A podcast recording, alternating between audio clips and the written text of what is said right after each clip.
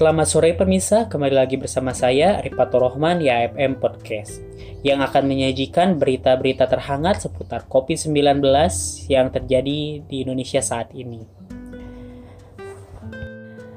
Di sini saya sudah bersama juru bicara Satgas Penanganan COVID-19 Wikwadi Sasmito yang akan memaparkan perkembangan terkini mengenai COVID-19 di Indonesia. Eh, silakan Pak untuk menyampaikan pemaparannya. Assalamualaikum warahmatullahi wabarakatuh. Selamat sore saudara-saudara sekalian. Salam sejahtera untuk kita semuanya. Pada sore hari ini kami akan menyampaikan perkembangan penanganan eh, COVID-19 di Indonesia. Pertama, kami ingin menyampaikan bahwa terjadi penambahan kasus positif pada hari ini sejumlah 4002 dan jumlah kasus aktif pada hari ini adalah 61.686 atau 21,8 persen, di mana kasus aktif dunia adalah 22,8 persen. Berikutnya adalah jumlah kasus sembuh pada hari ini total kumulatif adalah 210.437 atau 74,4 persen, di mana angka dunia kasus sembuhnya adalah 74,14 persen. Berikutnya lagi adalah jumlah kasus meninggal. Uh, kumulatif pada hari ini adalah 10.601 dengan nilai 3,7 persen, sedangkan dunia adalah 2,99 persen. Angka kasus meninggal ini terus menurun dibanding hari-hari sebelumnya, tetapi sampai dengan sekarang masih di atas angka kasus meninggal global. Selanjutnya, eh, perkembangan kasus positif mingguan pada tingkat nasional terjadi kenaikan kasus 16,4 persen dibandingkan pekan sebelumnya yaitu dari 26.314 menjadi 30.641.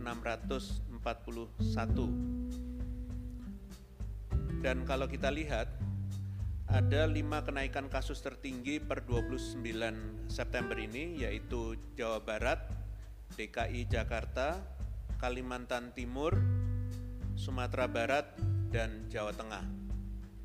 Berat bertambah 594 kasus. Namun di minggu ini bertambah angka yang cukup besar yaitu 1726 kasus. Ini adalah angka yang besar dan signifikan terhadap angka kasus positif nasional. Sedangkan untuk DKI Jakarta, Kaltim, Sumbar, Jawa Tengah di minggu lalu tidak masuk dalam lima besar kenaikan kasus tertinggi. Di minggu lalu tidak masuk kasus tertinggi, namun di minggu ini masuk ke dalam lima besar. Hal ini berarti ada empat daerah ini mengalami kenaikan kasus yang cukup signifikan, dan ini perlu menjadi perhatian bersama. Kami sampaikan apresiasi kepada Provinsi Banten, Sulawesi Selatan, Riau, dan Papua yang di minggu lalu masuk di dalam lima besar kenaikan kasus tertinggi dan berhasil untuk menekan angka kenaikan kasusnya sehingga di minggu ini tidak masuk ke dalam lima besar kenaikan kasus tertinggi. Kami mohon agar dapat mempertahankan dan terus menekan angka kasus sehingga tidak ada kasus baru. Selanjutnya, perkembangan kasus kematian COVID mingguan terjadi sedikit kenaikan 0,2 persen dibanding dengan minggu sebelumnya.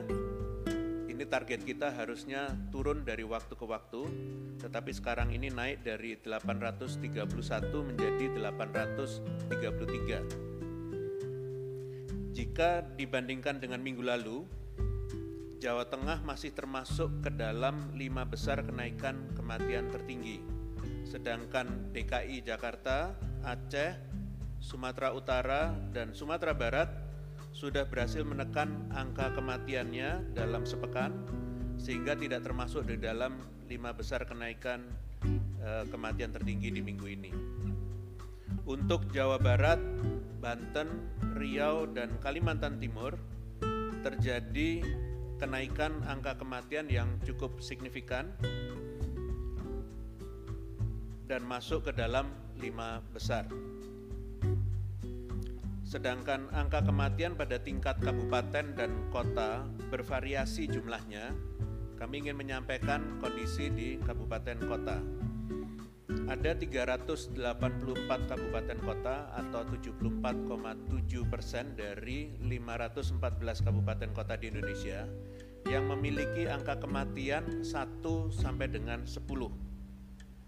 Terima kasih kepada 384 kabupaten kota ini yang telah berhasil menekan angka kematian eh, karena setiap angka ini adalah nyawa dan kita harus betul-betul bisa menekan angka kematian ini dengan baik dan itu untuk itu kami mohon agar seluruh kabupaten kota mempunyai target yang sama kalau bisa kematiannya nol.